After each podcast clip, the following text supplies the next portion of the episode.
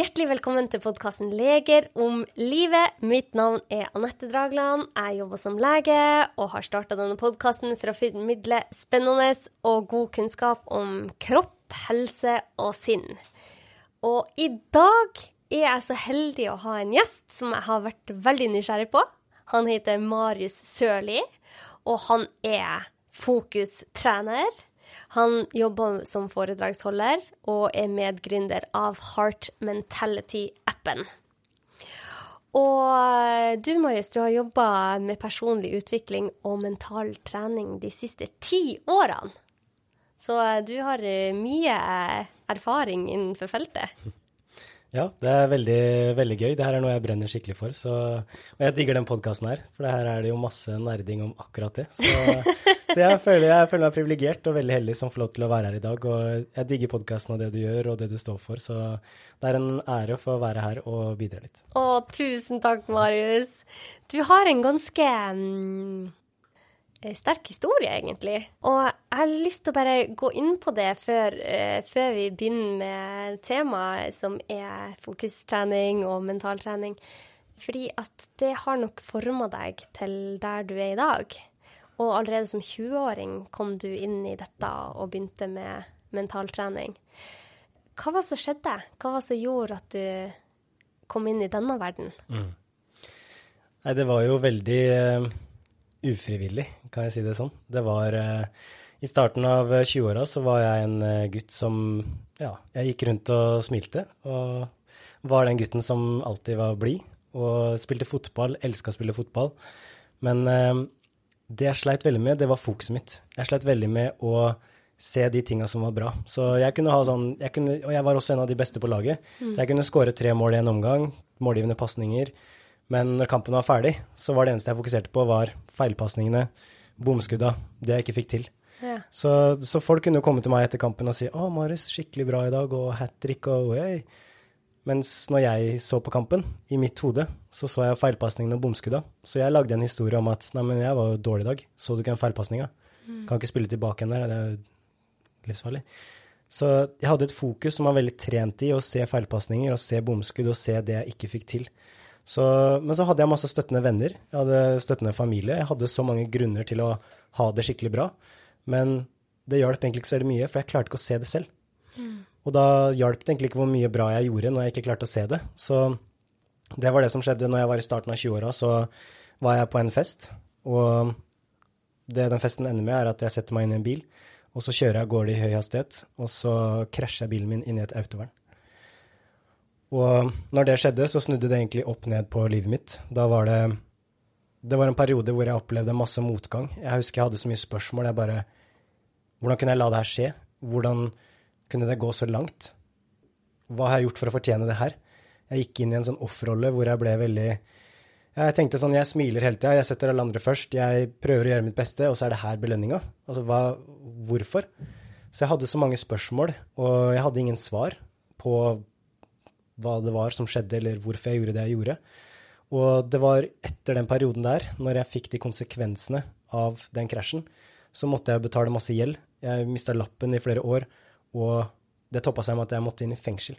Å, fytti rakkeren. For dette var første gangen du noen gang hadde fyllekjørt. Ja, ja. Og det Og det var noe du selv og de rundt deg aldri kunne skjønne at du kunne gjort. Men så skjedde det. Mm.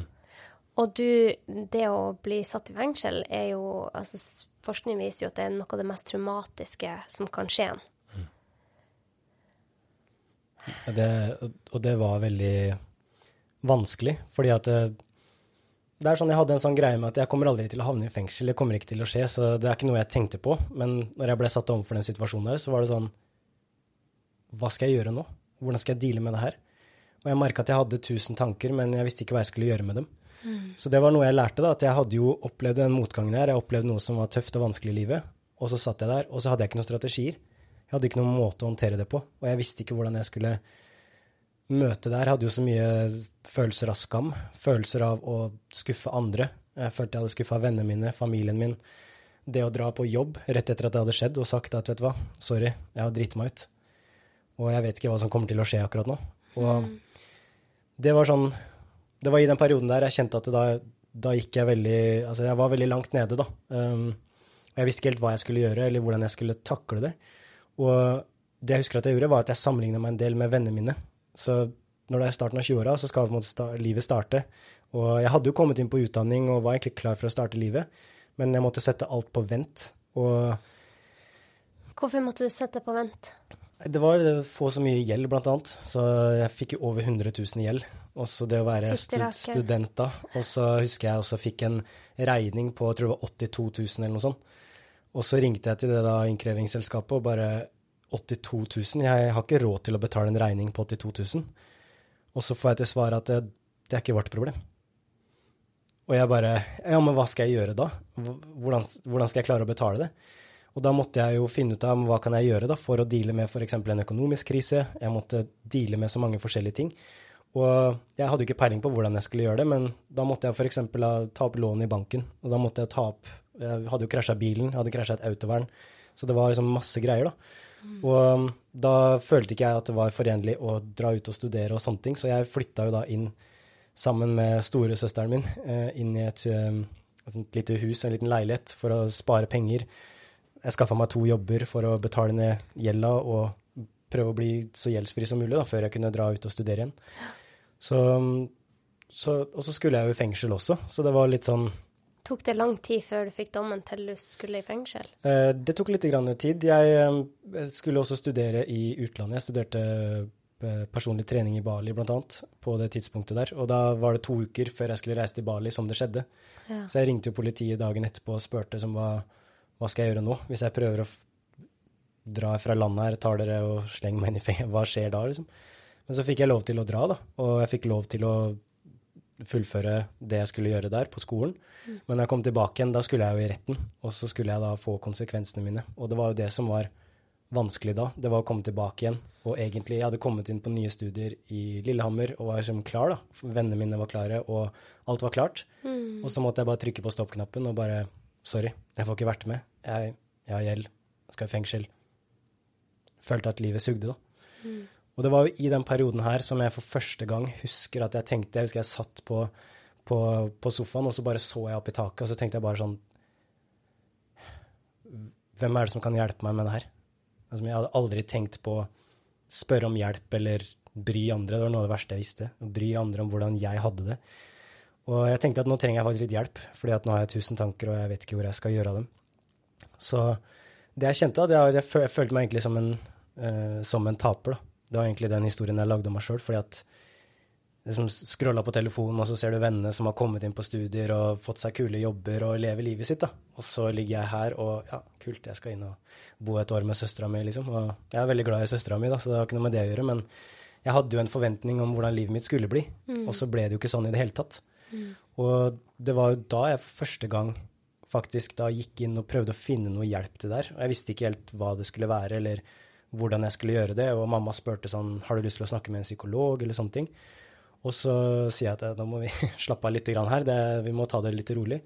Så det jeg gjorde, var at jeg gikk inn på YouTube, blant annet, og så skrev jeg inn i søkefeltet der uh, Why am I a loser? Hm. Og så trykka jeg på søk. Hm. Og da dukka det opp en video der som det sto det. Jeg bare You're not a loser, are you? Spørsmålstegn. Og jeg bare What? Hva er det her for noe? Så trykka jeg på den videoen, og det var en video som kom til å forandre livet mitt. Fordi det var en kar der som gikk ut på en scene, og han snakka ut til en forsamling. Og det han sa, det var at Vet du hva tapere gjør? Og jeg lå der og bare øh, Nei. Det var akkurat som han snakka til meg, da. Han sa at tapere, de ligger på sofaen, og de syns synd på seg sjøl.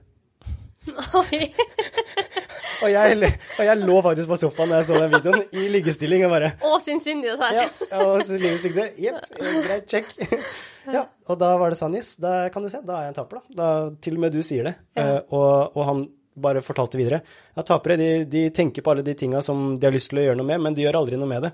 Og de tenker på at det hadde vært kult å gjøre ting, men de gjør aldri noe. Og jeg var sånn. Jeg var sånn som alltid var stille og alltid var snill. Og jeg hadde ting jeg hadde lyst til å gjøre, men jeg turte aldri å gjøre det. Mm. Fordi at jeg tenkte så mye på konsekvenser. Jeg var så redd for å feile, jeg var så redd for å drite meg ut, og så lot jeg egentlig konsekvensene styre livet mitt, da. Men det han sa da, videre, det var jo at han sa at det, du har et valg. Fordi du kan fortsette å ligge her og fortsette å synes på deg sjøl, fortsette å tenke at livet suger og at livet er urettferdig og sånne ting. Du kan gjøre det hvis det hjelper deg. Fortsett. Jeg skal ikke stoppe deg fra det. Og så begynte jeg å tenke på det. Er det noe som egentlig hjelper? Eh, og så tenkte jeg nei, det er egentlig ikke det. Og da sa han videre da, at det er ikke nødvendigvis det å tenke positivt alltid som er nøkkelen. For vi hører ofte det. Tenk litt positivt. Mm. Vær litt blid. Ja. Mm. Det er ikke sånn at du tenker 'Å ja, takk, det var bra du sa', da skal jeg tenke mer positivt. Det er jo ikke sånn. Nei. Men da sa han det, og da sa han at du har et fokus. Og det du kan velge nå, er hvor du plasserer det fokuset ditt. Så jeg pleier å se på fokus som en kameralinse, da. Så i den kameralinsa der så ser du tydelig og klart det som er inni kameralinsa. Det som var tydelig og klart for meg, det var jo feilpasningene. Det var krasjen. Det var motgangen. Det var gjelda mi. Det var alle de tinga som ikke jeg fikk til. Alle de tinga jeg ikke var. Det så jeg krystallklart i den kameralinsa mi. Men det han sa, det er at i en kameralinse, når du fokuserer på noe, så er det også blurry ting rundt. Og hva er det som er blurry? Jo, det er jo de gode vennene mine. Det er jo de tinga som jeg faktisk får til. Det er de tinga som går bra.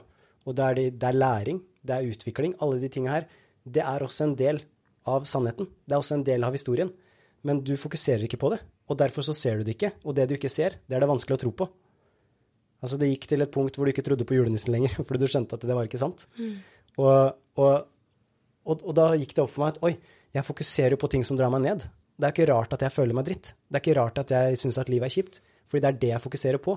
Og det bekrefter bare denne historien om at livet er sånn. Men så sa han at du kan styre det fokuset ditt, og du kan plassere det på et annet sted. Men da må du faktisk ta ansvar for det, og så må du velge å gjøre det. Fordi du får ikke gjort noe med det som har skjedd, men du kan gjøre noe med det som skjer fra det øyeblikket her og framover. Og når han sa de orda der, så var det akkurat som at jeg fikk en sånn Wow, det er faktisk litt logisk.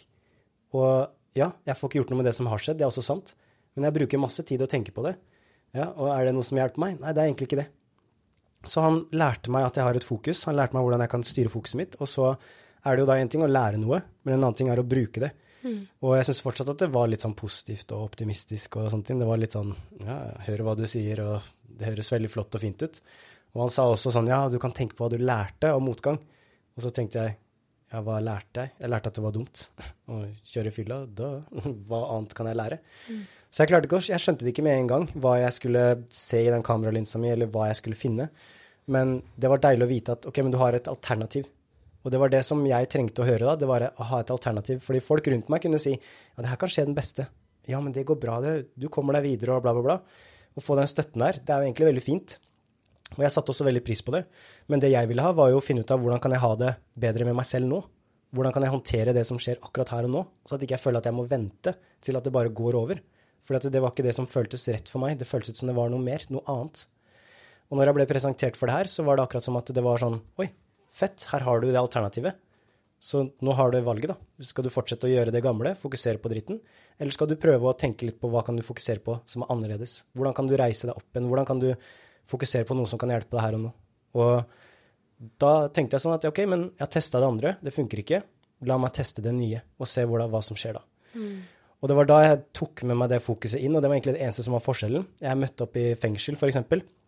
Mora mi kjørte meg i fengsel. Kjempe, kjempekult. Og ja, ha det bra, stikker inn her noen uker. Snakkes. Veldig, ja, veldig mye skam. Og jeg hadde jo lyst til å være et forbilde, jeg hadde lyst til å være en god sønn, jeg hadde lyst til å være en god person. da. Så jeg merka hvordan fokuset mitt også ble dratt til å nå er du her, og nå gjør du det her, og du er så mislykka, bla, bla. Men jeg skjønte også at når det fokuset dukka opp, så er det akkurat som at den kameralinse min bare ser det som drar meg ned. Så jeg skjønte at jeg må begynne å se ting annerledes, så jeg må begynne å lete etter andre ting å fokusere på. Så gjennom den perioden der i fengselet så møtte jeg blant annet en eh, Jeg bodde på rommet med en som var narkoman, en som heter Birger. Og han var en som Han tok livet veldig med ro, da. Han bare Han sa til meg at det er bare å ta det helt med ro, liksom.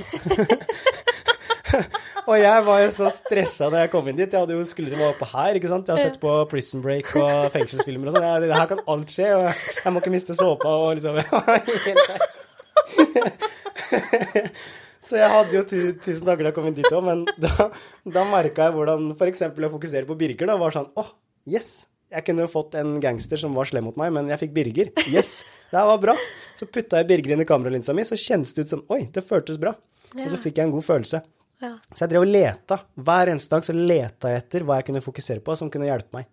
Og når de drittankene kom opp, når jeg fokuserte på den feilpasningene, altså hvor dritt jeg var og sånne ting, så minna jeg meg sjøl på at det her er midlertidig. det her er Ja, det er noe som har skjedd, men jeg jobba med hvordan kan jeg deale med det her og nå, da. Så jeg gikk gjennom den perioden i fengsel. Jeg gikk gjennom det året der hvor jeg hele tida hver dag jobba med fokuset mitt. Jeg begynte å studere. Jeg begynte å lese bøker. Altså jeg, aldri, jeg leste veldig lite på skolen, men når jeg fant en interesse utenfor skolen, så begynte jeg å lese masse. Masse hjerneforskning, masse bøker om eh, utvikling, motivasjon, suksess, you name it, alle de tinga her. Og jeg brukte tid på det hver eneste dag. Da jeg fikk en sånn enorm gnist for det her, fordi jeg kjente hvordan jeg ble oppløfta. Jeg kjente hvordan jeg kunne fokusere mindre på det som dro meg ned, og jeg kunne fokusere mer på det som kunne dra meg opp, da. Det som kunne utvikle meg, det som kunne gjøre meg sterkere. Og det var en sånn transformerende opplevelse å se, fordi jeg trodde at det året skulle være det kjipeste året. Flytte inn med søstera si og alle de tinga her. Men det ble faktisk et ganske spennende år, fordi at jeg dyrka en ny interesse. Og jeg brukte tid på ting som engasjerte meg, og jeg holdt fokuset mitt opptatt med det som ga meg en god følelse. Det som gjorde at jeg kunne deale med situasjonen. Og ja, det var mange tøffe dager, og ja, det var mye Det var ikke sånn alle dager som var like morsomme, men jeg, fant ut, jeg skjønte det at det er alltid noe i dagen som du kan fokusere på, som ved å fokusere på det, så gjør at du får en litt bedre dag. Mm. Så, så, jeg ble veldig bevisst på fokuset mitt, hvor jeg plasserer det. Og så skjønte jeg også gjennom f.eks. hjerneforskning og neuroplastisitet og den biten der, at du kan trene det. Du kan trene fokuset ditt. Hjernen din er formbar. Det er ikke en, det er ikke en porselensskål. Det er en modellæreklump. Du kan forme den, og du kan fokusere på nye ting. Og det var sånn Wow! Og det betyr jo at jeg er jo ikke dum. Jeg er ikke bare født sånn og blitt sånn. Og ja, det var synd, eller ja, det var flaks. Men jeg kan skape den jeg har lyst til å være. Jeg kan forme den jeg har lyst til å være. Jeg kan tenke på hvor fokuset mitt plasseres, for det påvirker også blodgjennomstrømming i hjernen og de veiene jeg får i hjernen. Og det ga meg håp, fordi da skjønte jeg at det som har skjedd tidligere, det har skjedd tidligere. Men det som er i øyeblikket her og nå og framover, det har ennå ikke skjedd, og det kan jeg gjøre enormt mye med. Så etter det så fikk jeg bare mer og mer interesse for de tinga her, og jeg har aldri sett meg tilbake igjen. Det er litt sånn Det å lære meg om fokus og lære at jeg kunne styre det, det var litt som å lære seg å sykle. Fordi at uh, første gangen du lærte deg å sykle, så var det ikke sånn at du tenkte yes, det kommer til å gå skikkelig bra, og du har liksom blod nedover hele albuen og sånn. Det er ikke sikkert du tenker yes, jeg kommer til å bli råd til å sykle. Men når du først lærer det, og du finner balansen, og du reiser deg opp igjen, så skjønner du at oi, jeg kan jo sykle. Og så er det veldig få som går tilbake igjen til å ikke kunne sykle. Og, og, det var akkurat sånn som det samme med fokuset mitt. At jeg aldri gått tilbake igjen til å dra meg sjøl ned. Til å fokusere på hvor dritt ting er, til å fokusere på hvor kjipt ting er, um, hvor ubrukelig jeg er. Altså jeg har trent på hver eneste dag siden jeg lærte det, på å plassere det på noe som kan hjelpe meg å skape det livet som jeg egentlig innerst inne har lyst til å leve, og det har gjort en enorm forskjell for, for livet mitt. Og det er derfor jeg er så glad for å være her, for å kunne gi det videre, og ikke minst høre mennesker som deg som deler den kunnskapen her, For det var sånn det starta for meg, da. Ny informasjon det forandrer kommende situasjon. Så det, det, er noe jeg virkelig brenner for, og håper at eh, flere lærer seg og tar inn over seg og forstår at de faktisk kan gjøre noe med. Å, jeg syns det er så utrolig Jeg blir sånn fengsla av det du sier, Marius. Jeg syns det er skikkelig artig å høre på deg. Og du kunne ha endt opp med en som var i fengsel og ble bitter. og valgte å se på hvor ille det var, og at det var urettferdig at du endte opp med gjeld så ung som du var. Men så har du gått en helt annen retning. Mm. Og ser på det som noe som lærte deg noe. Og eh, nå skjønner jeg hva du mener når du sier at du er fokustrener. For du skifta fokus helt og totalt. Jeg likte veldig godt det du sa om det kameralinsa. Åh, jeg, jeg, får så mange spørsmål i, oppi hodet mitt nå. Men Marius, hva gjør du da nå? Nå er jo du blitt veldig god på det. Men la oss si at jeg har en dårlig dag. Vi alle har dårlige dager. Mm. Jeg har eh, bulka bilen, ble for sein til å hente minste i barnehagen, får dårlig smitte for at jeg er en dårlig mor. Alle de sånne tingene. Fikk til jobben. Altså, jeg bare Dette har ikke skjedd. Jeg har ikke bulka bilen, men hvis det hadde skjedd. Hvis det hadde skjedd. Ja. Og så kommer jeg hjem, og bare kjenner på skammen og på følelsen av at jeg ikke strekker til. Um, og klarer liksom ikke å endre fokus. Det eneste jeg klarer å tenke på, er hvor lite jeg får til. Mm. Hva gjør du da? Hvordan trener du opp en person som hadde denne historien, til å endre fokus? Det er et kjempegodt spørsmål. Og der er det jo virkelig mange ting som har balla på seg. og Altså det, er, det er som sagt, det er jo ikke alltid det å tenke positivt som er løsningen. Og, og det er også viktig å tenke på, for noen ganger så, så er det også viktig å tillate seg sjøl at, at, noen ganger så er det dritt, og noen ganger så er det ja, man føler ikke helt at man strekker til. og det, det er helt vanlig å føle seg sånn. Men samtidig så vil jeg også utfordre på når du opplever de tinga her, da. Altså, hvis du tenker på fokuset ditt, hva er det du egentlig gjør? Og en, en, et sitat som jeg liker veldig godt, det er Var det en dårlig dag? Eller var det fem dårlige minutter som du gikk og bekymra deg for resten av dagen? Mm. Og det er jo ofte litt sånn også, hvis du f.eks. har uh, bulka bilen, f.eks. Det er kjipt. Og det er, det er, ikke noe gøy, det. Og du vet at det blir det skademelding, og det er masse greier, og det er masse ting som skjer. Men det som ofte hjelper da, det er å tenke på ok, men hva er det jeg kan gjøre noe med, og hva er det jeg ikke kan gjøre noe med. da. Og jeg får dessverre ikke gjort noe med den bulken, med den krasjen. Og ja, det er kjipt, og det, man skal få ut følelsene sine og åh, være frustrert og få det ut. Men tenk også på men hva, men hva kan du gjøre, da? Kanskje det da hjelper å faktisk tenke på ja, men ok, hva skal til for at du kan fokusere mer på det du kan gjøre? Kanskje du kan tenke på ok, men det skjedde, mm, hva kan jeg gjøre? Hva er det jeg ikke får gjort noe med? Ok, Og så prøver du å gjøre deg opp en mening rundt det. Og så kan det være en måte å trene fokuset på, at du prøver å plassere det på noe som er litt mer konstruktivt. Men hvis du kjenner på skam, hvis du ikke kjenner at du strekker ordentlig til, så tenker jeg at det er jo noe som ligger dypere, da, enn bare de hendelsene. Og det er jo litt sånn Som jeg også skulle si, at når du bulker en bil, f.eks., det er jo egentlig bare noe som skjer i bare noen få sekunder. Men så er det det historien du lager om det etterpå. Det er jo den som skaper om det blir en forferdelig opplevelse, eller om det blir en ja, ja, så skjedde det, jeg får ikke gjort noe med det opplevelse. Mm. Så hvordan jeg ser ting, det er enormt kraftfullt. Hvordan ser jeg det å gjøre en krasj? Hvordan ser jeg det å ikke hente til rett tid i barnehagen? Og det er også noe man kan jobbe veldig mye med, og det er jo sikkert snakk om altså, forskning på placebo og tankene våre, og mm. hvordan forholdet vårt til det vi tenker på, skaper altså fysiologiske endringer i oss. da. Ja. Og, og det f.eks. med stress, f.eks. Eh, noen tolker stress som noe som er helt forferdelig, og det er det verste vi kan ha, og sånne ting, og så kjenner de faktisk på at de blir sykere av det. Mens noen kan tolke stress som noe positivt, Det gjør meg skjerpa, det gjør meg bedre. Og forholdet jeg har til det, det har enormt mye å si. For vår fysiske helse. Ja. Altså det viser at de som tror at stress er bra for dem, ikke blir eh, fysisk påvirka. Mm. Mens, mens, de som da tror at stress er farlig, mm. faktisk får fysiske plager av stresset. Mm. Så den der mentale delen har så mye å si. Ja, Så det kan også være en ting med hvilken historie er det som dukker opp. da. Ok, du bulka bilen, hvilken historie er det som dukker opp? Og kanskje det dukker opp en historie om at åh, det var så kjipt, og det var helt forferdelig, og sånne ting. Så ja, Er det en historie som du tenker eh, hjelper deg i situasjonen, eller er det kanskje noe som kan være en hindring? Og hva kan være en historie som kanskje kan være litt bedre å fortelle seg selv? Da? Og det kan også være en strategi at man tenker på ok, men hvordan tolker jeg det som skjer? Eh, betyr det at fordi det ikke jeg rakk å hente i barnehagen, betyr det at jeg er en mislykka mor? Er det sant? Mm. For at du den ene gangen der ikke huska på det, er det sant? Og så kanskje du tenker nei, det er jo egentlig ikke sant. Nei, men du lagde den historien nå, fordi at, og da ble det sant for deg. For dette var det du putta inn i kameralinsa di, og du tenkte på å, det var så kjipt, å, jeg burde gjort det annerledes, å, jeg burde gjort det sånn og sånn og sånn. sånn. Så du lager en historie om ting. Og da er du inne på det her med altså forholdet du har til det som skjer, da, har enormt mye å si. Så det å bare være litt nysgjerrig. OK, men hva var det som skjedde? Eh, hva var det som faktisk skjedde? Og hva er det du ønsker å gi energien din til, da? Og hva kan du gjøre noe med, og hva kan du ikke gjøre noe med? Så det er kanskje et sted jeg ville starta. Men hvis du kjenner på en skam, hvis du kjenner på at når du ikke føler at du lever opp til noen forventninger, så tenker jeg også at det ligger noe i bånn i forhold til det å kunne se altså, hvordan er det du har det inni deg, da. Og hvordan er det du egentlig har det? Og mm. ofte så er det sånn at i en hektisk hverdag, hvis vi sover lite, trener lite, spiser dårlig, alle de tinga her, så akkumulerer det til at vi også ofte får en veldig mye kortere lunte. Og det kan gjøre til at små ting blir ganske store, fordi at kroppen vår er ikke overskuddsaktig, da. Og da er det også vanskelig å kjenne på at man kan håndtere ting. Da. Mye lettere å deale med ting når du har f.eks. hatt en god natts søvn. Jeg kjenner at jeg kan være et bedre menneske hvis jeg har hatt en god natts søvn versus ikke. Mm. Så, så, det er også en sånn ting som jeg ville gjort. Men så er det også den kraften av å være kul mot seg sjøl.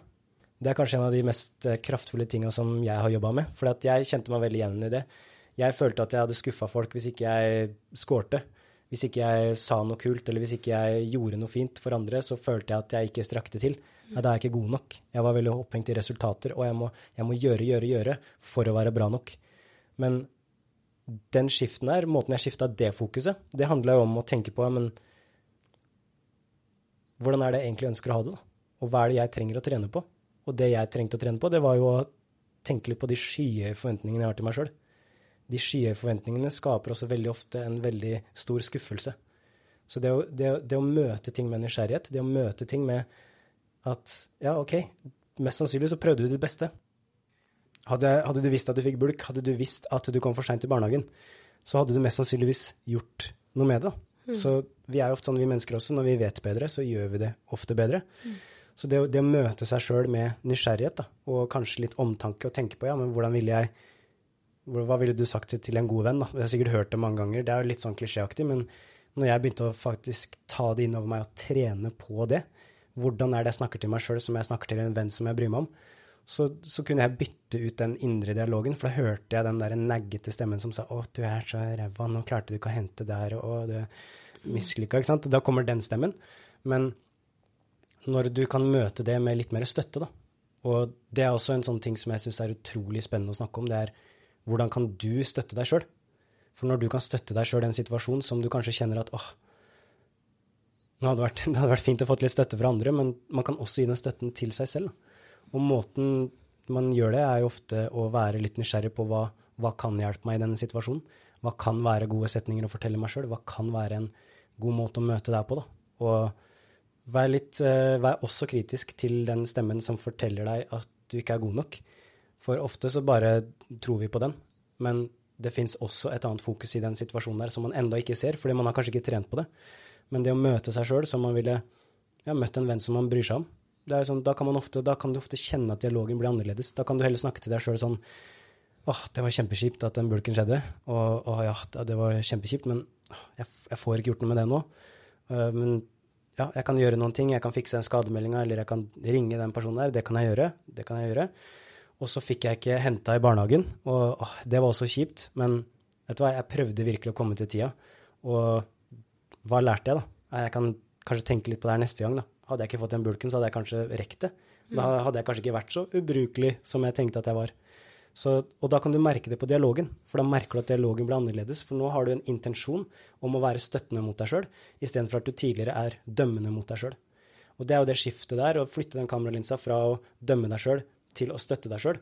Det er ofte en sånn um, Ja, det handler om å ha mer connection med det som er uh, ekte, da. Det som egentlig er i, i hjertet. For der får vi ofte mer omsorg og kjærlighet. Det høres veldig sånn ja, Jeg skulle ønske det fantes noe litt mer sexy måte å si det på.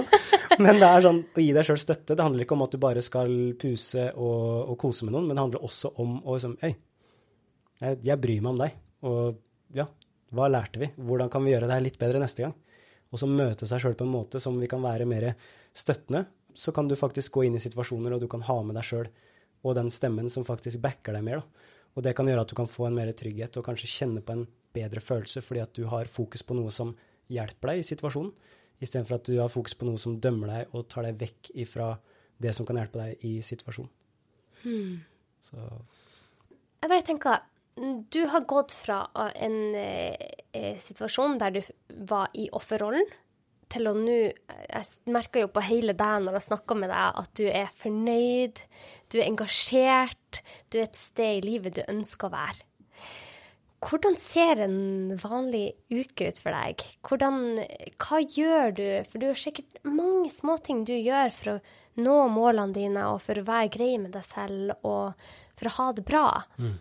Kan du gå igjennom noen av de tingene du gjør? Ja, og eh, jeg er kjempefan av å mate det fokuset med ting som er bra for oss. Så det er jo sånne ting jeg også legger inn, da. Så det er jo ofte så har jeg sånne perioder med ulike ting jeg jobber med. Og jeg har også en veldig sånn lærende approach til meg sjøl. Altså jeg føler at det er så Jo mer jeg lærer, jo mindre vet jeg, da. Så det å, å ha, ha, et åpent sinn, da. møte seg sjøl med nysgjerrighet. Hva trenger jeg nå? Hva er det som er viktig for meg nå?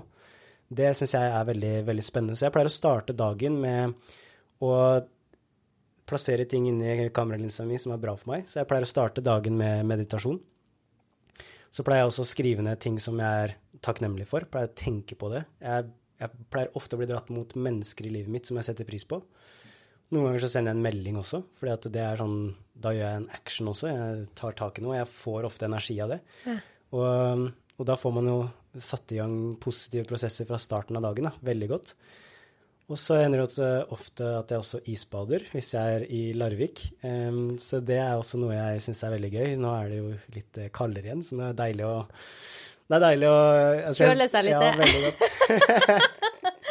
det, er veld, det, er kanskje litt uh, sært for de som aldri har testa det ut og ikke helt vet hvordan det er, men uh, for meg så får jeg enormt mye energi og gode, gode vibber når jeg isbader. Så det er også en ting som jeg gjør for å rett og slett endre fysiologien min da, og fylle opp uh, systemet med gode hormoner. Og kjenne at jeg, ja, Hver gang jeg kommer inn fra isbadet, jeg bor nede ved havet i Larvik, ja. Så kommer jeg inn, og så er jeg kanskje rød over hele kroppen. Og så kjenner jeg at det prikker, jeg kjenner at det iler. Det er sånn kroppen min er bare vekka til live. Ja. Så går jeg inn på, på, badet, setter jeg på skikkelig god musikk. Og så bare, pleier jeg bare å riste litt i kroppen bare for å få i gang energien. Og da får jeg ofte en sånn derre woohoo!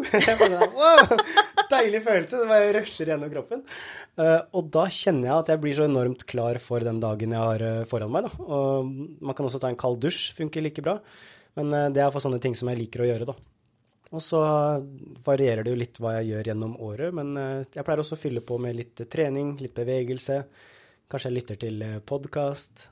kanskje jeg leser i en bok. Noen perioder så liker jeg å lese når jeg står opp, så det, det endrer seg litt på hva jeg trenger. Mm. Og så tenker jeg også på Pleier å sette en intensjon for dagen. For det har også mye å si for fokuset mitt. For jeg kan stå opp i dag og så kan jeg bare gå gjennom dagen og bare reagere på det som skjer. Men i det øyeblikket jeg setter en intensjon, da, og det kan være f.eks. i dag så ønsker jeg å gi god energi til andre. I dag så ønsker jeg å være til stede når jeg møter de menneskene som jeg møter. I dag så har jeg en intensjon om å ha disiplin i det jeg gjør. Jeg ønsker å være fokusert. Jeg ønsker å få ting gjort, for nå er det en ting som har peila seg opp. Og så setter jeg en sånn type intensjon, og det er egentlig en måte som på en måte drar fokuset vekk fra alle kanter og mer til OK, det her er viktig for meg i dag. Mm. Så, så, det driver ofte da handlingene mine, fordi at når jeg har en intensjon om at jeg skal være til stede med deg, f.eks., før jeg møter deg, så påvirker det meg i møte med deg. For da kan jeg kanskje merke at hvis jeg ikke er helt til stede, så kan jeg tenke sånn Ja, men jeg, tilstedeværelse, og så har jeg jo teknikker for det som jeg syns er veldig spennende. Og det å komme tilbake igjen til øyeblikket her, og da er det viktig for meg. Så da har jeg satt den intensjonen, og det driver også fokuset mitt. Så da er det større sjanse for at jeg ser det i kameralinsa mi, det jeg setter intensjon for. Så det er noe som Altså, vi har jo eh, en app hvor vi også gjør det her sammen med mennesker, og da er det så fint, for da pleier de ofte å dele Vi pleier å dele hva er din win i dag, da. What's important now? Hva er det som er viktig for deg i dag? Ja. Og da pleier de å dele sånn i dag så er det viktig for meg å se barna mine. I dag så er det viktig for meg å gi god energi til kollegaene mine når jeg kommer på jobb. I dag så er det viktig for meg å ta meg en treningsøkt, for da kjenner jeg at jeg blir gladere, og da kan jeg gi mer til andre mennesker. Og det syns jeg er så inspirerende når eh, mennesker jobber med de tinga der, for da vet jeg at ved at man jobber litt med fokuset sitt på starten av dagen, så får du ofte de ringvirkningene som går utover dagen. Så, så, det er noe som jeg pleier ofte å gjøre, som jeg pleier å ha som en sånn base, fordi at jeg ønsker å ha ønsker å ha en viss energi. Jeg ønsker å ha et, et, fokus som kan hjelpe meg gjennom dagen, og som kan oftere plasseres på det som betyr noe for meg. Da. Fordi det er, jo, det er jo så lett å være distrahert i dagens samfunn nå, og vi må virkelig jobbe og ta tak i fokuset vårt og plassere det oftere for at det skal kunne lande der vi ønsker å ha det eh, gjennom dagen. Så, så er det ulike ting jeg gjør gjennom dagen. Så noen uker så reiser jeg mye på foredrag. Forrige uke så var jeg i Bodø, Raufoss, Fredrikstad og Sverige, blant annet. Oi. Så da var det mye reising. Og da er det også det å finne ut av hvordan kan jeg starte dagen på en god måte. F.eks. hvis jeg har foredrag i Bodø, da, og så starter det f.eks. klokka ni, og så skal jeg kanskje se på noen, og så er det kanskje klokka elleve jeg skal på, da, eller tolv. Ja. Så, så tenker jeg på hvordan kan jeg Hva er det som er viktig for meg da, for at jeg skal kunne være påfylt og være klar for action når jeg skal på, da. Så da, så da, tenker jeg jo på hva kan jeg gjøre i forkant. Når skal jeg spise? Hva kan jeg gjøre? Kanskje jeg skal gå meg en tur før jeg går inn i rommet. Kanskje jeg skal meditere litt ekstra fra starten av dagen. Sånne type ting. da. Så da blir det å tilpasse det til de ulike settingene som jeg er i. da. Mm. Så, så, det, så, det, kommer litt an på. Og så jobber jeg mye med, med appen vår også. Lage lydfiler, meditasjoner, treninger, program. da og da er det også viktig at jeg er på et godt sted når jeg skaper det, for jeg ønsker å skape noe som bidrar for folk og betyr noe for folk. Og da kan ikke jeg være i en stressa utgave av meg selv som prøver å raske opp noe eh, som jeg tror er lurt. Da trenger jeg å jobbe med f.eks. meditasjon og kjenne på hva er det som er viktig for meg i dag. Hva er det jeg ønsker å gi, hva er det jeg ønsker å bidra med. Og så skape ut ifra det stedet. Da. Så da er det en sånn i forhold til kreativitet, f.eks. Da er det kanskje sånne type ting som mm, er litt mer viktig, da. Så det kommer helt an på. Og så har jeg også en ting som jeg også digger å gjøre når jeg skal møte folk. Og det er Jeg vet ikke om jeg kan kalle det for dørøvelsen, men jeg liker det når ting er litt sånn konkret, jeg vet hva jeg kan gjøre. Men sånn før du tar i døra til du skal møte noen, da. det kan være barna dine, det kan være kollegaene dine, familie eller whatever, så pleier jeg å plante en sånn liten sånn OK, men hvordan, hvordan kan jeg være uh, på mitt beste i den situasjonen her, da? Og det betyr ikke hvordan kan jeg eh, please alle eller fikse alle eller liksom sånne ting, men hvordan kan jeg være på mitt beste i form av at hvordan kan jeg være en person som jeg føler er ekte for meg å være da, når jeg møter disse menneskene. Og det er bare et sånt lite spørsmål som man kan stille seg, som kan gjøre en liten forskjell på om man bare går rett inn og bare har en samtale og begynner å snakke om krig eller nyhetene eller sånne ting. Jeg ser veldig lite på det også, fordi at det påvirker fokuset vårt. Men det å stille seg sjøl det spørsmålet, spørsmål, når du stiller deg sjøl spørsmål, så begynner hjernen å lete etter svar. Så det kan også være en sånn intensjon før du går inn og møter noen. Hvordan kan jeg være med på mitt beste nå? Og så går du inn i situasjonen, kanskje i en litt annen tilstand enn hvis du bare gikk rett inn døra. Hm. Du har virkelig tenkt over mange ting. ja, ja, og så er det også viktig å si en annen ting også. Det er at jeg er ikke sånn som er sånn jeg må gjøre disse tingene her, for hvis ikke så er dagen mislykka. Overhodet ikke. Jeg er også støttende mot meg sjøl, også i sånne her ting. Og jeg vet at jeg, altså Før så kunne jeg være sånn at jeg må i spade, jeg må trene, jeg må meditere og sånne ting her, for ellers så kommer jeg til å ha en ræva dag. Ja. Og det er jo ikke noe som hjelper meg. Det er jo bra hvis jeg kan ha litt fleksibilitet hvis det ikke går etter planen også. Så det er jo det å møte det som skjer. Da. Noen ganger så trenger man kanskje å sove litt ekstra, og så må man bare drite i rutinene. Og så er det det du trenger, og så er det akkurat det som er perfekt å gjøre den dagen. Fordi mm. det er det du trenger, og det er det som er viktig. Så det er også veldig, veldig viktig å tenke på, da. Og så er det jo Nå har jo ikke jeg noe barn heller, og sånne ting, så jeg vet jo hvordan det er. Men jeg har jo venner som har barn, og som jeg også ser har eh, laga seg rutiner. Da. Og da er det ofte at man trenger å være litt mer fleksibel, og det kan dukke opp ting, og plutselig så ja, blir det ikke sånn som man hadde tenkt. Og da er det i hvert fall viktig å være god mot seg sjøl og finne ut av ok, men hvordan kan jeg møte deg med, med kjærlighet, og ikke med den negete stemmen som sier at ja, men ja, ja. Og senke litt forventningene da, og være litt mer til stede med det som skjer eh, der og da.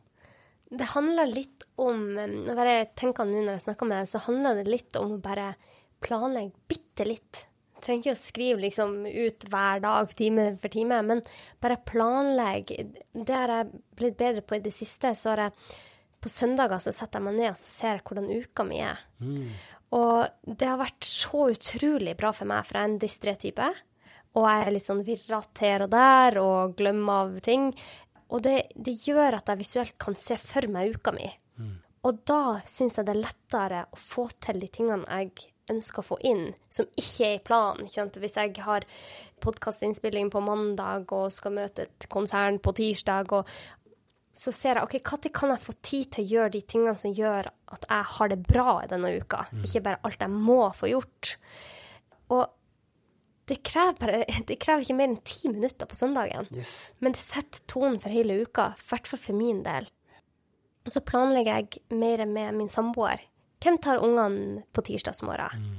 Sånn at jeg får ti minutter til å meditere. Da vet jeg ok, tirsdag, torsdag så tar han de på morgenen før vi skal på jobb. Da vet jeg ok, tirsdag og torsdag får jeg tid til å meditere først. Ok, Det er veldig greit. Da er jeg så mentalt forberedt. Yes. Jeg syns det er så deilig. Ja. Og det har gjort i hvert fall mitt liv mye lettere. Mm. For da vet jeg litt mer hvor eh, hvordan jeg skal få tid til å gjøre de tingene som ikke bare jeg må gjøre, men også de som er, tingene som er veldig bra for meg. Mm. Jeg digger det der. Og, og, det å være Altså, det er mange som sier det, at uh, dagen i morgen starter i dag.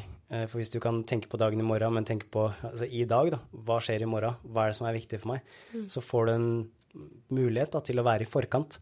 Og det er jo ofte det når man er i forkant, så får man ofte den muligheten til å styre retningen mer, da. OK, men hva vil jeg hva vil jeg få ut av det? Hva vil jeg gjøre? Hva er det som er viktig for meg? Sånne ting er mye lettere enn å bare reagere på OK, nå skjer det, nå skjer det. Oi, nå fikk jeg plutselig den lomma der. Og nå kunne jeg meditert.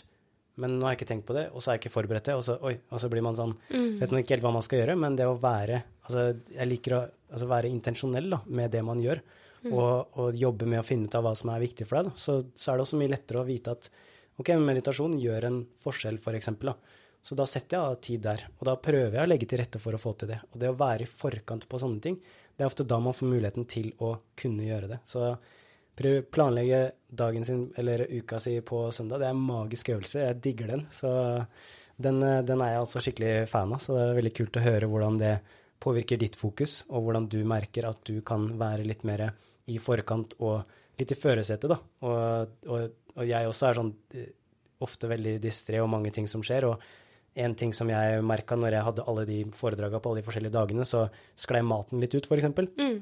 Mm. Men da lærte jeg også det, da, at når det er mye reising Oi, det er faktisk viktig at jeg tar med meg mat. Det er faktisk viktig at jeg gjør de tinga her.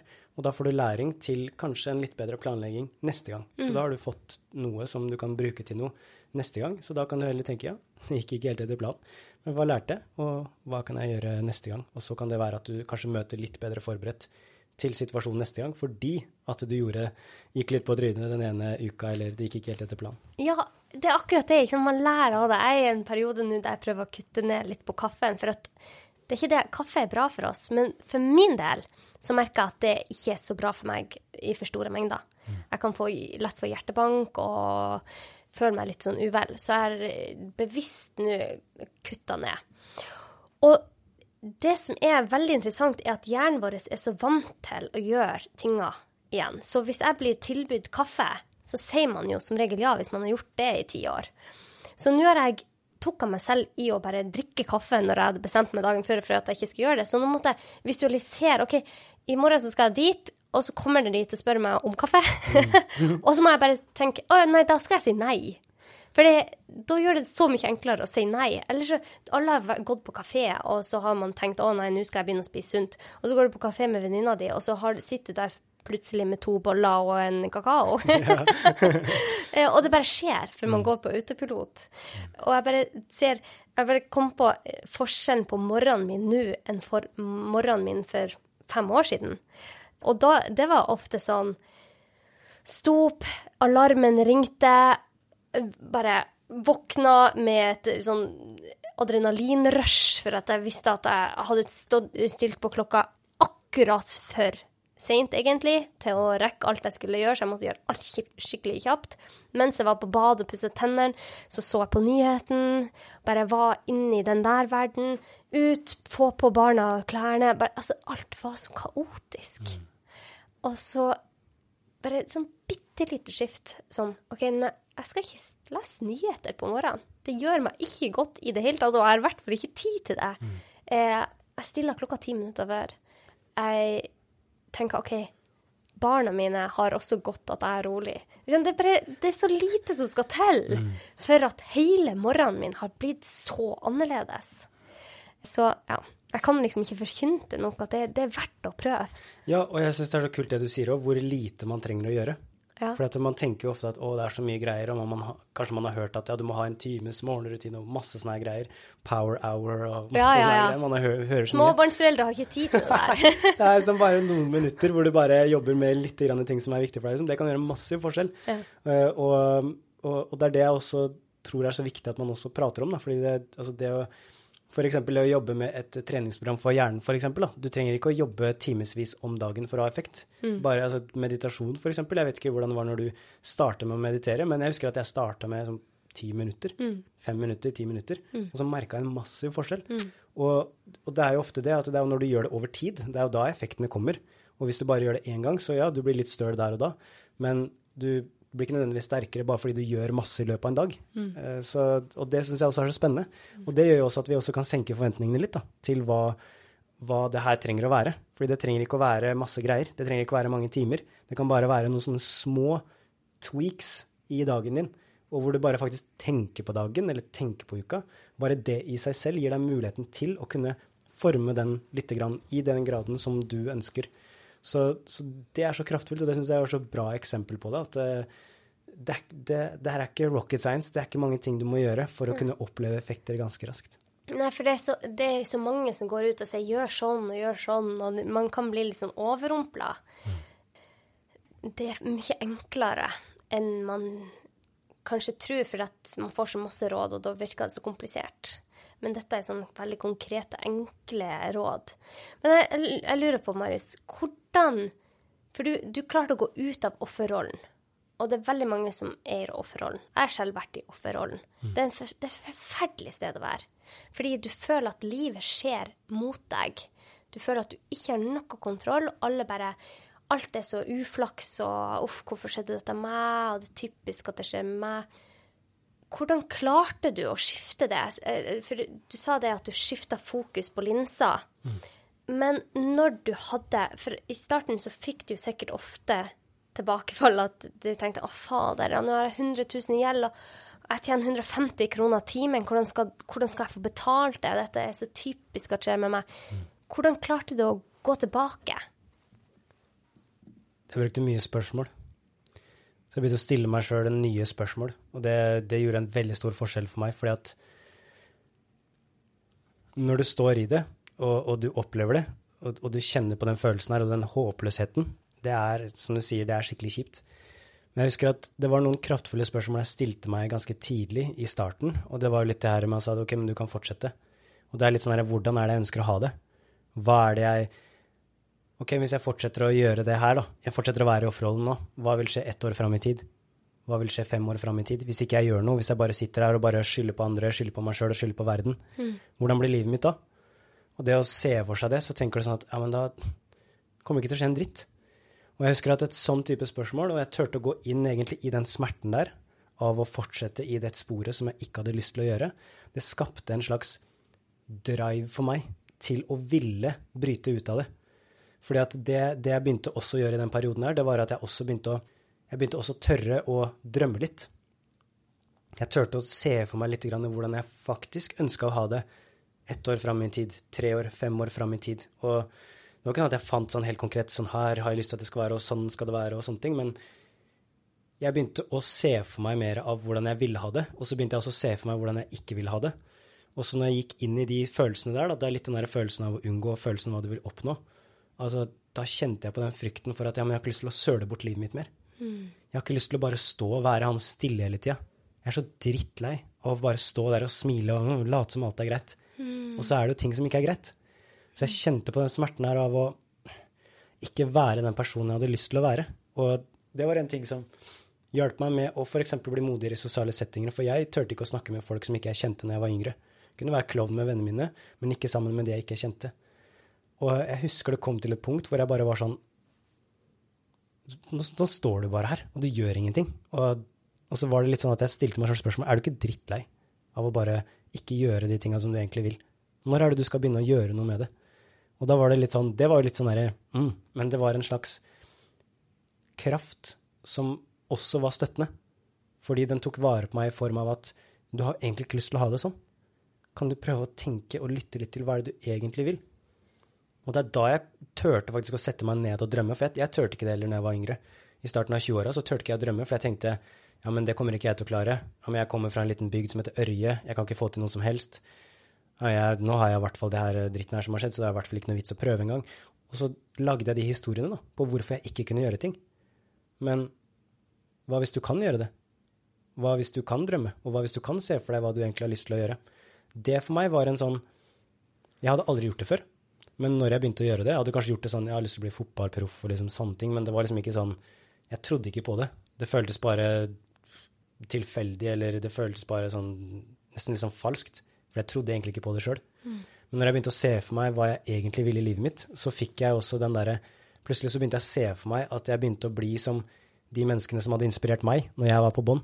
Plutselig begynte jeg å se for meg at jeg sto på de scenene og reiste landet rundt, og jeg delte de verktøyene her som hadde hjulpet meg. Og da husker jeg det var sånn oh-oh, hvorfor dukker det her opp? Hvorfor føles det her så godt? Hvorfor gir det her meg en så god følelse? Og så, når jeg begynte å drømme igjen og igjen, så dukka det opp igjen og igjen. Og da var det litt sånn Oi, nå er det faktisk en grunn til at det dukker opp nok ganger. Mm. Så og da, og da, får du valget, da. Fordi at det er veldig mange som har drømmer, og det er veldig mange som drømmer stort og har store ideer. Man kan ha tusen ideer, man kan ha tusen drømmer, men hvis man ikke gjør noe med dem, ja, da er det fortsatt bare luft. Og da står det ofte bare på status quo, fordi at det skjer ikke noe nytt. Og Det er jo det kåte til Einstein, at hvis du gjør det samme om igjen og forventer et annet resultat, så er det definisjonen av galskap. Mm. Og, og, og, jeg skjønte det. Det er jo galskap at jeg skal tro at livet mitt skal forandre seg med de samme valga, med de samme tankene, med det samme fokuset som jeg har hatt fram til nå. Jeg er nødt til å endre det. Jeg er nødt til å plassere den kameralinsa mi på et annet sted. For hvis ikke så kommer jeg bare til å ødelegge meg sjøl. Og jeg er ganske sikker på det, at jeg hadde gravd meg ganske heftig ned i dritten hvis jeg ikke hadde fått de verktøyene her, og ikke fått den hjelpa her gjennom alt jeg lærte på den tida her. Så er jeg ganske sikker på at jeg hadde blitt etterlatt med et fokus som dro meg ned hele tida. Og jeg vet ikke hvordan livet mitt ville vært da, men det ville vært i hvert fall veldig mørkt. Fordi at jeg hadde ikke kjent på at jeg kunne gjort noe annerledes. Men jeg kjente at måten jeg kunne bryte ut av det mønsteret og gjøre noe annerledes, det var å se for meg hvordan livet mitt ville være hvis jeg fortsatte der jeg var. Og det var bare en sånn åh, nei, jeg har ikke lyst til å være han stille, jeg har ikke lyst til å være han som andre gjør noe med drømmene sine. Og det å tørre å begynne å drømme, det å tørre å skape det bildet der framover, som kan drive deg framover, det ga meg håp. Det ga meg optimisme. Jeg hadde ikke peiling på hvordan jeg skulle gjøre det, men da lærte jeg også det mindsettet om å lære. Være en student. Ok, det er tusen ting jeg ikke kan, men det fins mennesker som kan det. Det fins bøker du kan lese, det fins kurs du kan ta, det fins så utrolig mange ting du kan gjøre med det du ennå ikke vet, og det du drømmer om. Og det er sånn det, de spørsmåla her og de måtene her, og liksom se for meg worst case, se for meg best case, det skapte en sånn symbiose av uh, følelser og ikke minst en drive da, til å ville gjøre noe nytt, til å ville bryte ut av offerrollen. Så jeg ble veldig sånn Jeg ville ikke være i offerrollen fordi at jeg så hvordan den hindra meg. Så jeg tenkte på men hvordan er det jeg har lyst til å ha det, og så begynte jeg å tenke på hva er de tinga som kan hjelpe meg med det. Og da begynte jeg å skrive ned ting, jeg begynte å gjøre ting som var i samsvar med den retningen som jeg ønska å ha.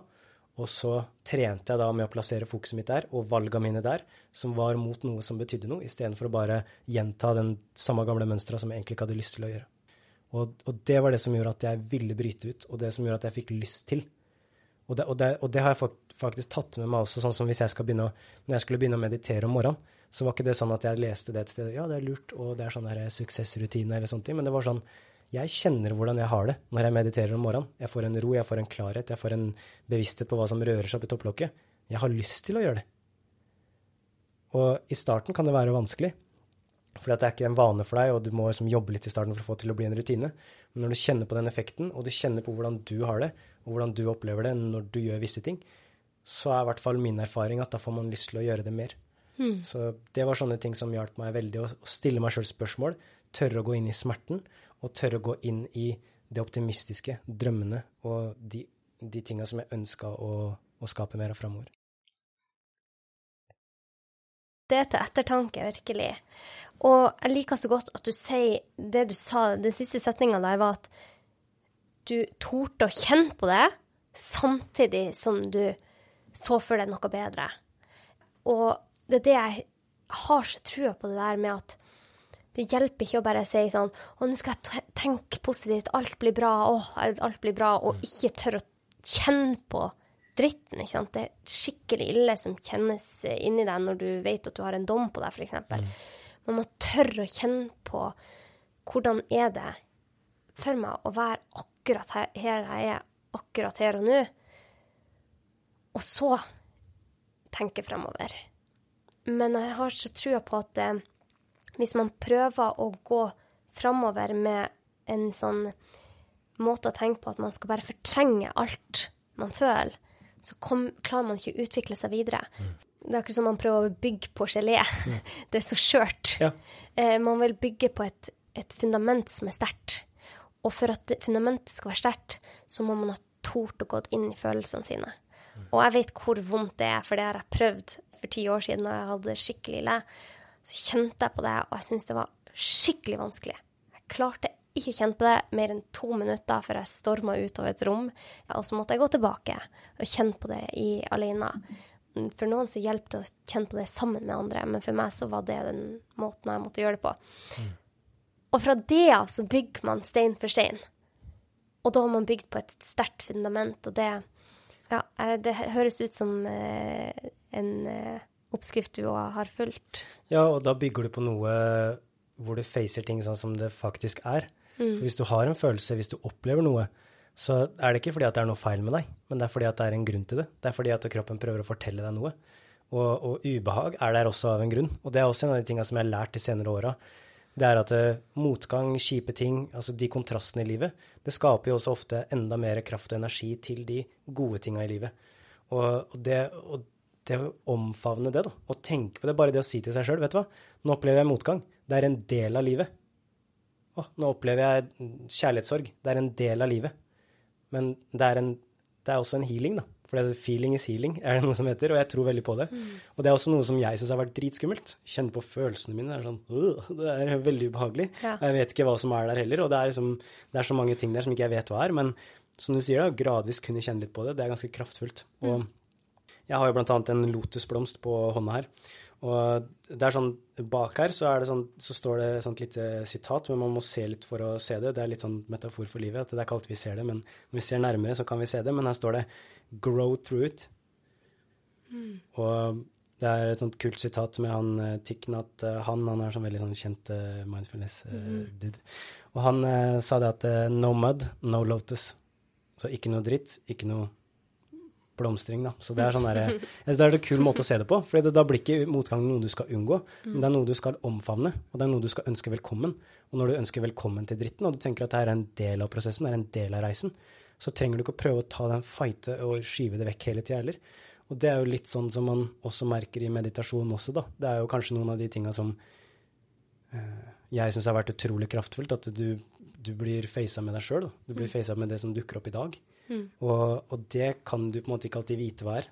Men når du blir kjent med det, så er det litt sånn Oi, nå kan jeg faktisk forstå meg bedre. Nå vet jeg hva som dukker opp, nå vet jeg hva som er her, nå vet jeg hva som rører seg inni her. Og nei, det er ikke allting jeg vet, men jeg vet at alt, alt er her av en grunn.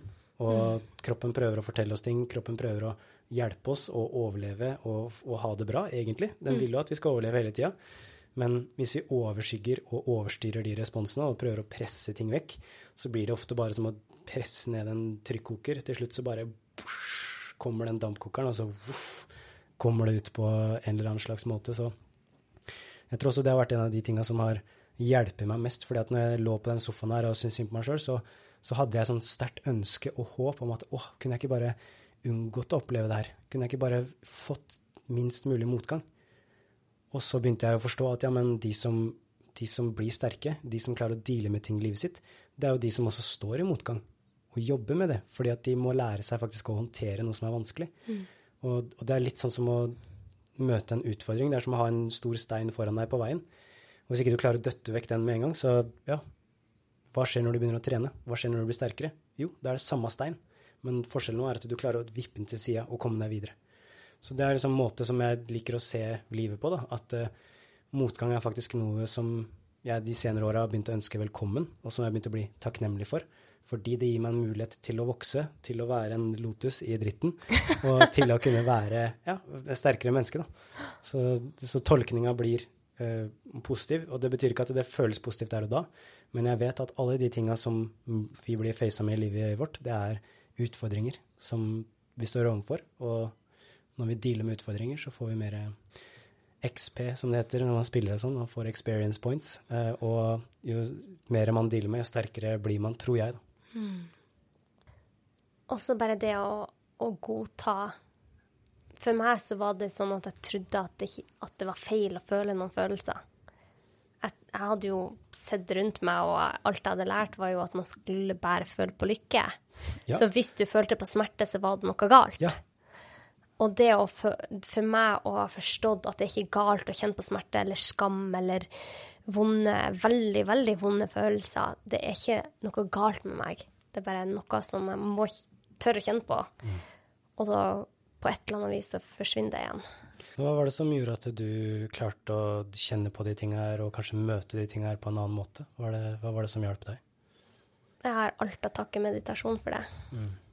Jeg leste ei bok midt oppi all elendigheta, Og den viste meg at meditasjonen meditasjon var måten å gå på, og det sto forskning, og jeg bare tenkte at dette er så bra. Satt meg på et rom på barndomshjemmet mitt en uh, vinterferie, femte år på medisinstudiet. Så tenkte jeg ok, nå skal jeg meditere. I en halvtime dette blir så bra. Nå nå skal alt løse seg. Halvtime, den er sterk Den er sterk. Og jeg satt der i to minutter og begynte å liksom kaldsvette. Jeg bare kjente at hjertet begynte å dunke fort. Det var veldig masse uvante følelser. Jeg bare Å, herregud, dette er jo helt forferdelig. Så jeg bare storma ut av det rommet og bare ble så irritert på den boka som sa at meditasjon var greia. For det, for det funka jo ikke for meg i det hele tatt. Men så måtte jeg lese mer, jeg måtte lære litt mer om dette. For det, var, det, det, er ikke bare sånn at OK, du må bare meditere, så ordner alt seg. Jeg måtte også skjønne at alle følelsene mine er der for en grunn, og at det er greit for meg å føle på de følelsene. For at jeg trodde at OK, meditasjon er the golden uh, arrow, liksom, som bare fører meg til en bra plass. Mm. Men det var ingen som hadde fortalt meg at gjennom meditasjon så kommer du til å føle på veldig mye mm. følelser som har ligget der, som jeg ikke hadde tort å kjenne på på Jeg var vel 26 år da. Ja. Så, um, så, ja, det var meditasjon, men det var masse prøving og feiling over mange, mange år. Ja, og det er kjempemodig av deg, da, å fortsatt tørre å gå inn i det, og fortsatt tørre å face det. For det er Uh, Sharon Salzberg, har du hørt om henne? Ja, den boka var en av de som hjalp meg. Ja, fett. For der skrev hun faktisk om det. Ja, kult. Og, men hun har jo et quote som er sånn Vi mediterer ikke for å bli god på meditasjon, vi mediterer for å bli god på livet. Ja. Og, og det syns jeg er en veldig god beskrivelse av meditasjon. For jeg setter meg ikke ned for å meditere for å få pause fra livet mitt i 10 minutter, eller 30. Jeg setter meg ned for å meditere for å bli kjent med, ta en check-in med hva er det her i dag, mm. hvordan føler jeg meg, hvordan har jeg det, hva er det som er viktig for meg i dag det hjelper meg med å se klarere. Og derfor så er det noe som hjelper meg med å få kontakt. Det er ikke noe som hjelper meg med å rømme vekk eller ta en pause eller sånne ting. Men jeg føler at det hjelper meg med å håndtere ting i livet, møte ting i livet. Og da forstår jeg den kraften av å meditere for å kunne akseptere ting som mer som de er. Mm. Ikke sånn som vi håper og ønsker at de skal være eller burde vært eller skulle vært. For det er ofte der vi får de forventningene. Og da, da vi ofte får de skuffelsene og følelsen av at ja, men det skulle ikke vært sånn. Jeg burde vært lykkelig. Jeg burde hatt mer lykke. Jeg burde hatt mer, jeg burde hatt, jeg burde hatt mer, mer, mer, mer, mer, mer. Men når du tør å meditere og tør å face det som er der, og tør å se det som er, så kan du bli kjent med noe som Det er noe som heter at det som er ekte, det er det som er konstant. Og hvis man tenker på det, fra du ble født, så hadde du en slags bevissthet. Og når du ble barn, så hadde du en slags bevissthet. Når du gikk rundt, så hadde du med deg en bevissthet. Når du er ungdom, har du det. Det er bare det er ikke alltid Man føler seg kanskje litt forvirra, men hvis du tenker på én ting som har vært konstant i livet ditt, og som alltid kommer til å være konstant, det er jo den bevisstheten din. Den opplevelsen her av å være deg, altså den som observerer tankene, da. Den er faktisk noe som du har med deg hele livet. Og den er egentlig noe av det aller mest ekte hos oss, fordi den er med oss hele tida. Tanker kommer, og tanker går. Mange tanker er helt crazy å tenke. Og hvis du tenker på alle tankene du tenker i løpet av en dag, så er det ganske mye rart. Men det som alltid er ekte, det er at du alltid kan være en som observerer det som skjer, og du kommer alltid til å ha med deg bevisstheten din i det du gjør, med den du er. Og den er konstant. da. Og det er noe som er ekte, og den føler jeg også at det er mulig å få litt mer kontakt med, da, som kanskje er litt vanskelig å forstå hvis man ikke mediterer, men som man kan kanskje møte på en Man kan hilse litt på den, da. Som er ekte, og som er der. Og som ofte har gode svar. Det vet sikkert du mye om også. Det å kjenne på intuisjonen versus det å bare kjenne på det som skjer oppi hodet. Fordi at hodet kan fortelle oss mange ting. Men så er det det å komme ned til hjertet vårt. Da. Og det er noe som også heter at lengste reisen vi mennesker tar, det er fra hodet til hjertet vårt. Og når vi kommer ned dit, og vi får kontakt med det som, som føles ekte for oss, verdiene våre, de gode opplevelsene, de tinga som betyr noe for oss, så blir vi ofte sterkere og kjenner på en slags kraft som, som, som er med deg, som, bare, som er litt blurry ofte. Men når du setter deg ned og du kjenner etter, så er den alltid der. Og den kommer alltid til å være med deg også. Det er også ganske fascinerende. Hmm. Hmm. Litt uh, ja. det, det, er vanskelig å beskrive det, men det er sånn uh, men jeg husker jo meg selv som barn. Jeg mm. husker jo bevisstheten min. Det føles som meg når jeg ser på minnene mine fra barndommen. Så føler jeg at det er akkurat meg, bare med mindre erfaring. Mm. Så det er jo konstant. Ja, det er, så, det er så spennende prat, og nå har vi gått langt over tida, Marius. det er veldig spennende. jeg, jeg, jeg, tror den episoden jeg hadde der jeg har vært mest stille, jeg bare hørt og hørt og hørt på deg, for jeg syns det er så givende å høre på deg snakke, Marius. Tusen takk. Jeg har et siste spørsmål jeg pleier å spørre mine gjester. Og det er hvis du skulle forlate jorda i dag, og alt du har sagt og gjort, ble viska bort, bortsett fra tre ting hva hadde du ønska sto igjen etter deg? Råd eller sitat eller objekter? Et uh, sitat, det kunne f.eks. vært um, Hvis du er venn med deg sjøl, så er du aldri alene. Hvis du fokuserer på læring, så vil det alltid bli litt bedre. Og um, ta ansvar for å fylle livet ditt med det som er viktig for deg fordi det er ingen andre som gjør det for deg. Tusen, tusen takk for at du tok deg tid til å være med, Marius. Tusen takk for at du fikk være med. Det er uh, en super podkast. Jeg, jeg, digger den så, så mye. Og ja, jeg må bare si det. Det er jo uh, Altså, når jeg hørte deg snakke om meditasjon, uh, du hadde med venninna di Ida ja. ja. Og dere hadde så god energi, og dere hadde så god stemning, og jeg kjente bare at wow, dere, dere brenner for det dere er så engasjert i det og dere deler kunnskap som er så spennende, og som er så for noe nytt, selv om det egentlig ikke er så nytt. Men dere legger det fram på en måte som gjør det kanskje enklere for folk å forstå. Da. Mm. Og det er derfor jeg blir så takknemlig for at ressurser som det her fins, og mennesker som deg fins. Fordi at du, du tør å gå i front, og du tør å vise vei mot noe som kan hjelpe folk til å få det så enormt mye bedre med seg sjøl. Så det vil jeg bare si tusen takk for at du bidrar med og gir videre til verden. Fordi du kunne også latt være og ikke gjort noe med det, men du har valgt å ta med deg den kraften din og så gå inn i det. Og det er så utrolig mye respekt. Og derfor så betyr det også veldig mye for meg å få lov til å kunne være her og bidra. Det betyr litt ekstra mye når det er for mennesker som deg som, som tør å gå i front. Tusen, tusen takk. Og eh, ja, jeg er så takknemlig. Jeg hadde jo min svigerinne Ida med første sesongen, og det var helt fantastisk å ha henne med. Jeg tror aldri jeg hadde tort å gjøre dette hadde det ikke vært for henne. Så jeg er evig takknemlig for henne, og jeg skal viderebringe de ordene. Skjæra til Ida. Skjæra til Ida. oh, ok, Og hvor kan lytterne mine nå deg? Vi har jo en uh, app som heter Heart Mentality. Der uh, pleier jeg å ha livesendinger. Uh, hver mandag så har jeg meditasjon og fokustrening. Og, det er litt kult, for på mandag klokka sju så har du en sånn fokustrening. Ja. Det, er, det, er, veldig artig. Liker å stå opp tidlig og trene fokus med, med gjengen. Eh, den kult. heter eh, Heart Mentality. Der bruker jeg masse tid. Ja. Og så heter jeg at Marius Suerli på Instagram. Så man kan gå inn der, og så har jeg en sånn link hvor man kan da se på podkasten og appen og gratis eh, visualisering og litt sånne ting, så kan man gå inn der og sjekke ut det hvis man eh, har lyst til å trene mer fokus. Så du er hjertelig velkommen. Kult. Heart Mentality på AppStore eller der man finner appene, og Marius Swerli på Instagram. Takk for at du ble med.